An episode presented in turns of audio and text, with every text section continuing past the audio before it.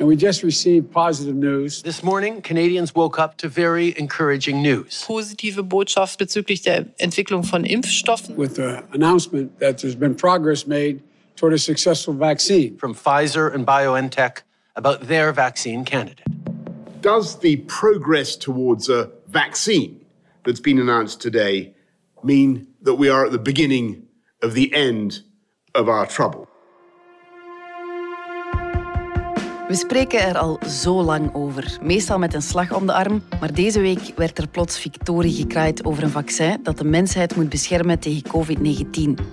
De Amerikaanse farmareus Pfizer kondigde fier aan dat zijn vaccin bij 9 op de 10 proefpersonen bleek te werken. Mogen we dan eindelijk beginnen hopen op een normaal 2021? Of zijn de hoera-berichten toch nog wat voorbarig? Het is vrijdag 13 november. Ik ben Lise Bonduel en dit is de podcast van de Standaard.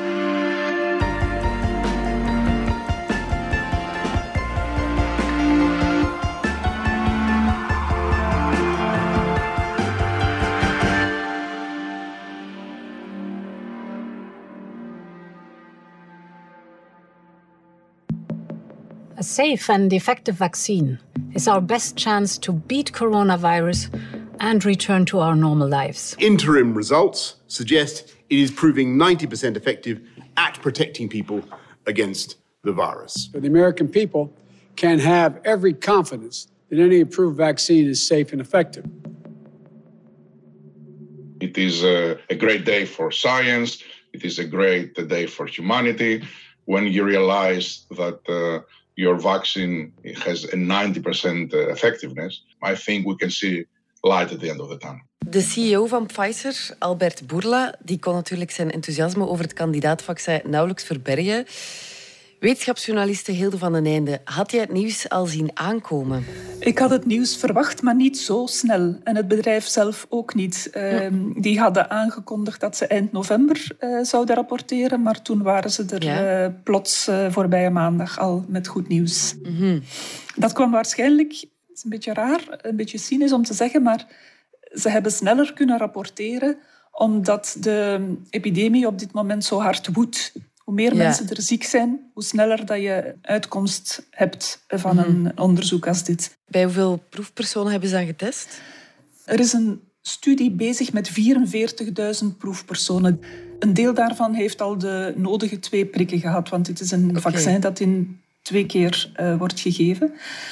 En um, ja, op een gegeven moment heeft het bedrijf uh, aan zijn tussentijdse resultaten gezien dat uh, bij de mensen die al waren ingeënt met het vaccin, dat daar uh, 9 op de 10 uh, beschermd is tegen de ziekte, tegen COVID-19. Ja. Terwijl mensen die met een nepvaccin waren ingeënt, dat was een zoutoplossing die die mensen ingespoten kregen, dat daar veel meer mensen besmetting opliepen. En dat is dus het, het goede nieuws, dat het vaccin wel degelijk werkt en dat het bij zoveel mensen werkt. Want in de aanloop naar deze studie hadden de meeste waarnemers verwachten, het bedrijf zelf ook, dat het vaccin misschien 60% van de mensen zal beschermen, hooguit 70%. Uh, yeah. En de Wereldgezondheidsorganisatie had de lat zelfs maar op 50% bescherming gelegd. Dus 90% is werkelijk heel goed nieuws. Ja, het zal wel. En hoe, hoe werkt het vaccin dan eigenlijk? Um, het is een heel bijzondere techniek. Een techniek die nog nooit eerder is beproefd om een vaccin mee op de markt uh, te brengen. De enstof bestaat uit een stukje genetisch materiaal, RNA. En daarin zitten de bouwinstructies verpakt um, voor de aanmaak van het eiwit. Als je naar de beelden kijkt van het coronavirus, dan ziet dat eruit als een soort landmijn met stekeltjes erop. Mm -hmm. En die stekeltjes, dat zijn eiwitten.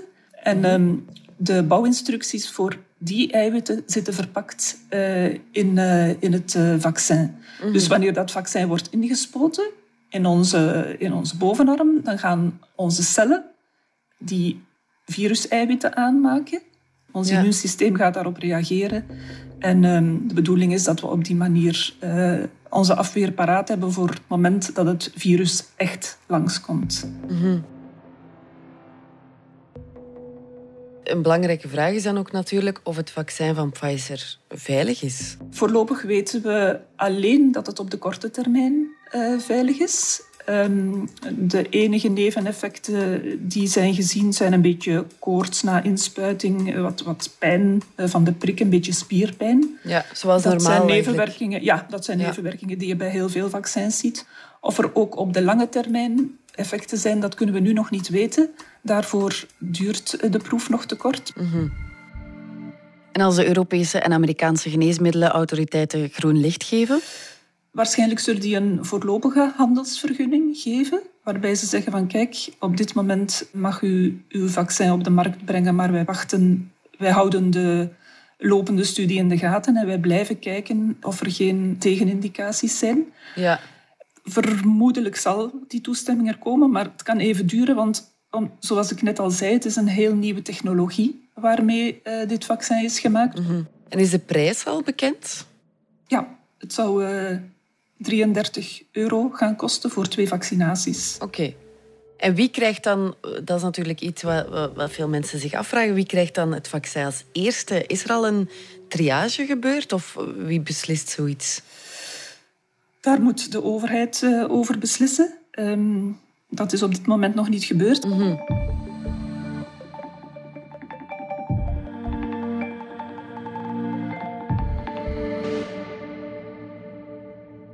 Jij schreef ook deze week, Hilde, dat de bewaring van het vaccin ook wel een uitdaging wordt. Hè? Ja, omdat de endstof bestaat uit genetisch materiaal. Dat is verpakt in, ja, in vetblaasjes. Het vaccin moet worden be- bewaard bij eh, minus 75 graden Celsius. Daarvoor zijn diepvriezers nodig, die wij niet in onze keuken hebben staan. Onze, onze eigen eh, diepvriezers gaan hooguit tot min 30, maar ook huisartsen bijvoorbeeld hebben niet een diepvries staan die tot eh, min 80 koelt. Daarom heeft het bedrijf een eh, systeem uitgedacht waarbij speciale eh, koelboxen eh, zullen worden gebruikt voor het transport Ja. van hun vaccins in, in, in vrachtvliegtuigen. En die koelboxen zullen worden gevuld met droogijs. Oké. We gaan er even uit voor reclame. We zijn zo terug.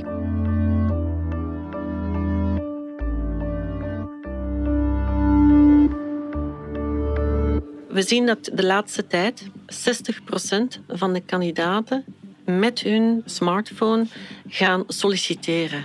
Dus we moeten zien dat we klaar zijn voor die markt. En alles beweegt. Een podcast waarin Vlaamse CEO's en prominente HR-managers vertellen hoe ze hun onderneming en werknemers in beweging houden. Beluister de reeks op jouw favoriete podcast-app. VDHB. En alles beweegt.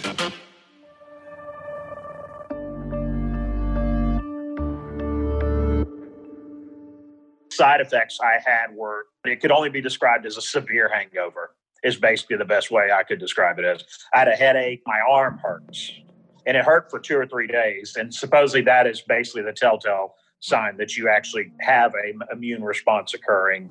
Je hoorde een vrijwilliger die deelnam aan de studie om het vaccin te testen. Hij had het gevoel dat hij na de test een zware kater had. Er zijn dus wel degelijk een aantal neveneffecten. Ja, elk vaccin eh, heeft neveneffecten. Hè. Maar ehm, in dit geval lijkt dat behoorlijk beperkt te blijven. Ehm, mensen rapporteren een beetje pijn waar eh, ze geprikt zijn. Eh, ze krijgen soms spierpijn, ze krijgen wat koorts. Ja. Maar geen dingen die, eh, die onoverkomelijk zijn, absoluut niet. Mhm. Maar er blijven wel nog altijd een aantal vragen over, toch? We weten nog niet alles over wat dit vaccin doet of niet doet. Ehm, we weten bijvoorbeeld niet. ehm, we weten dat het vaccin ziekte voorkomt. Ja. Dus op mensen die keelpijn krijgen, hoest, dat kan het vaccin voorkomen. Maar we weten niet of het vaccin voorkomt dat mensen besmet raken zonder dat ze symptomen krijgen. En dat is een belangrijke vraag, want als dat zou gebeuren, dan zouden mensen zonder het te weten andere mensen kunnen besmetten, ook wanneer ze gevaccineerd zijn. Eh, wat we ook nog niet weten is of oudere mensen in gelijke mate met het vaccin eh, beschermd worden. Wat we ook nog niet weten is of mensen die onderliggende aandoeningen hebben en die dus zeer kwetsbaar zijn voor COVID-19, of die tegen ziekte beschermd worden eh, door dit vaccin. Ja.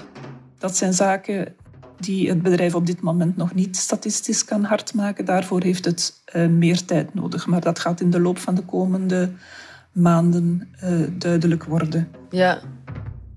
We weten ook nog niet, en dat is uh, niet onbelangrijk, hoe lang het vaccin ehm, zal beschermen.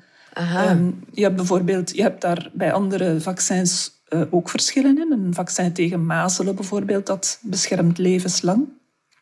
Maar een eh, vaccin tegen de griep, dat moet je elk, elk jaar opnieuw halen. Mhm. We weten niet hoe dat met dit vaccin um, zal zijn. Ja, waarschijnlijk niet elk jaar, uh, maar waarschijnlijk ook niet levenslang. Het zal ergens tussen de twee in liggen, maar waar precies weten we niet op okay. dit moment. Maar we weten wel al dat het langer dan een jaar zou beschermen. Nee, dat weten we niet. Okay. dat is de verwachting.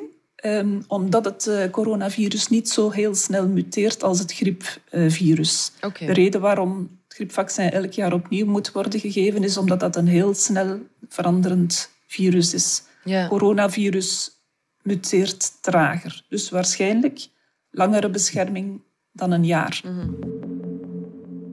Nu, eh, een, een, cruciale vraag is natuurlijk of het ook bij oudere mensen aanslaat. 65-plussers zijn op dit moment toch de meest kwetsbare. Hè? Ja, het bedrijf heeft voorlopig geen gedetailleerde resultaten vrijgegeven, enkel een persbericht. En daarin staat niets over de leeftijd van de mensen bij wie het vaccin is um, uitgeprobeerd. Mm -hmm. Doorgaans uh, beginnen bedrijven um, hun vaccinatie bij, bij de leeftijdsgroep van 18 tot 55, mensen die helemaal prima gezond zijn. Ja. En volgen pas later uh, oudere mensen. Um, we weten dus niet of de resultaten van 9 op de 10 mensen worden beschermd door dit vaccin ook gelden voor oudere mensen, voor mensen die uh, bijvoorbeeld hoge bloeddruk hebben of, of, of, al problemen met hun longen en hun hart. Ja. Uh, dat is een vraag die open staat. Ja. ja. Zijn er dan nog eigenlijk um, extra testen nodig of testen over een langere periode vooraleer we kunnen spreken van een goed vaccin? Um, de proeven blijven doorlopen in elk geval. Ook als dit uh, vaccin een, een uh, markttoelating krijgt, als het uh, mag worden verkocht, dan zal dat een voorlopige vergunning zijn. Ja. En ondertussen blijven die proeven doorlopen en moet het bedrijf aan de regelgevers blijven uh, resultaten voorleggen die dan hopelijk in lijn blijven met deze uh, eerste tussentijdse resultaten en mm. blijven aangeven dat het vaccin zo goed beschermt als we nu denken en hopen. Ja. En moeten er dan geen coronafabrieken, eh, bij manier van spreken, worden bijgebouwd voor zo'n grote schaal? Daar is het bedrijf al mee bezig. In Puurs, in ons land, staan vaccinfabrieken van bedrijf Pfizer. En die worden op dit moment al in gereedheid gebracht om het vaccin te produceren. De productie uh, moet ook snel op gang komen, want het bedrijf neemt zich voor om dit jaar nog 50 miljoen dosissen aan te leveren. En in de loop van volgend jaar zou het zelfs een miljard dosissen willen produceren. Mm -hmm. Dat is natuurlijk nog altijd niet genoeg om de hele wereldbevolking mee te vaccineren, want je hebt twee prikken nodig. Mm -hmm. 1 miljard dosissen. Daarmee kun je dan 500 miljoen mensen vaccineren. Ah ja. Dus we zijn er nog niet. Het is heel goed nieuws mm -hmm. dat dit vaccin uh, er komt en dat het zo goed werkt, dat het zo uh, veel mensen beschermt. Maar heeft ons land het vaccin al aangekocht? Nee, de Europese Unie heeft een uh, contract afgesloten voor 200 miljoen vaccins met Pfizer. Mm -hmm. En ons land beslist in deze dagen of het um, daarop intekent. Oké. Okay. We authorize a contract for up to 300 million doses of the vaccine developed by BioNTech and Pfizer. And once this vaccine becomes available, our plan is to deploy it quickly everywhere in Europe. Die vaccins worden door Europa pro rata verdeeld en dat zou voor ons land neerkomen op 7 tot 8 miljoen dosissen. Dus okay. voldoende om 3,5, 4 miljoen mensen mee te vaccineren. Ja. En wanneer kunnen we verwachten ja, dat we zelf worden gevaccineerd? De levering zou ten vroegste voor het voorjaar zijn, maart. Oké. Okay. En dan moet die hele logistieke operatie nog uh, in gang worden gezet van uh, wie vaccineert en waar. En, ja. en ze duurt nog wel even. Maar dat brengt wel al misschien lichte hoop voor de zomer van 2021. Misschien, maar ook als die 3 miljoen vaccins in onze bovenarmen zijn geïnjecteerd, is lang Ja. nog niet eh, de hele bevolking eh, gevaccineerd. Plus, Ja. we weten niet of mensen die gevaccineerd zijn het virus niet langer kunnen verspreiden. We weten wel dat ze Ah. beschermd zijn tegen ziekte, maar we weten niet of ze het virus niet langer zullen kunnen verspreiden. Zolang we dat niet weten, kunnen we maatregelen zoals de anderhalve meter eh, afstand en eh, handen wassen en mondmaskerdracht nog niet laten varen. Ja, we zijn nog eh, duidelijk niet verlost van die mondmaskers. Nee, we zijn nog niet van de maskers af. En tot slot, eh, wat met die andere kandidaatvaccins die in de running waren? Eh, Hebben die andere producenten nu die race verloren? Nee, helemaal niet. In de eerste plaats omdat er nog zoveel meer vaccins nodig zijn om de hele de wereldbevolking te kunnen vaccineren. Dus hoe meer vaccins eh, die het goed doen, hoe beter. Ja. Er zit één vaccin in de mm, pijplijn, een vaccin van Moderna, een Amerikaans bedrijf, waarvan wordt verwacht dat binnenkort eh, resultaten worden vrijgegeven. En dat vaccin gebruikt precies dezelfde endstof als Pfizer. Dus de verwachting is dat ook dat vaccin goed zal beschermen. En dat we er dus binnenkort eh, een heleboel vaccins bij krijgen voor weer eens zoveel honderden miljoenen mensen. Ja. Dan zijn er nog twee andere vaccins waarvan eh, binnenkort resultaten worden verwacht. Een vaccin van AstraZeneca Ja. eh, en een vaccin van Janssen Pharmaceutica. Die twee vaccins zijn al even in de pers geweest, omdat er even naar uitzag dat er bijwerkingen waren. Ja. Maar die eh, ongerustheid is ondertussen weggewerkt en de, het onderzoek naar die twee vaccins gaat voort. Ja. Dat zijn vaccins waarop België heeft ingetekend, waarvoor België heeft aangegeven dat het een bepaalde hoeveelheid vaccins zal afnemen als ze op de markt worden gebracht. Oké. Er zal zeker nood zijn aan die vaccins, want eh 7 miljard mensen, om die allemaal in te enten, zal het vaccin van Ja. Pfizer niet volstaan. Nee. Toch niet in 2021. Ja. En eh, zal er een zeker verplichting zijn in België om je te vaccineren? Weten we daar iets over? Eh, daar is nog eh, niks over gezegd, maar ik verwacht het niet, omdat in België is er geen enkele vaccinatie verplicht, tenzij dan de poliovaccinatie. Ja. Ehm, dat denk ik zal hier niet anders zijn. Mhm. Oké, Hilde van den Einde, dank je wel. Graag gedaan. This is the most promising vaccine so far. I think we can see We see the light at the end of the tunnel. light at the end of the tunnel. We are almost there. We are hopeful we are getting there because our scientists are working incredibly hard. In the meantime, let us be prudent and stay safe. Dit was de podcast van De Standaard. Bedankt voor het luisteren. Wil je reageren? Dat kan via podcast.standaard.be. Alle credits vind je op standaard.be-podcast.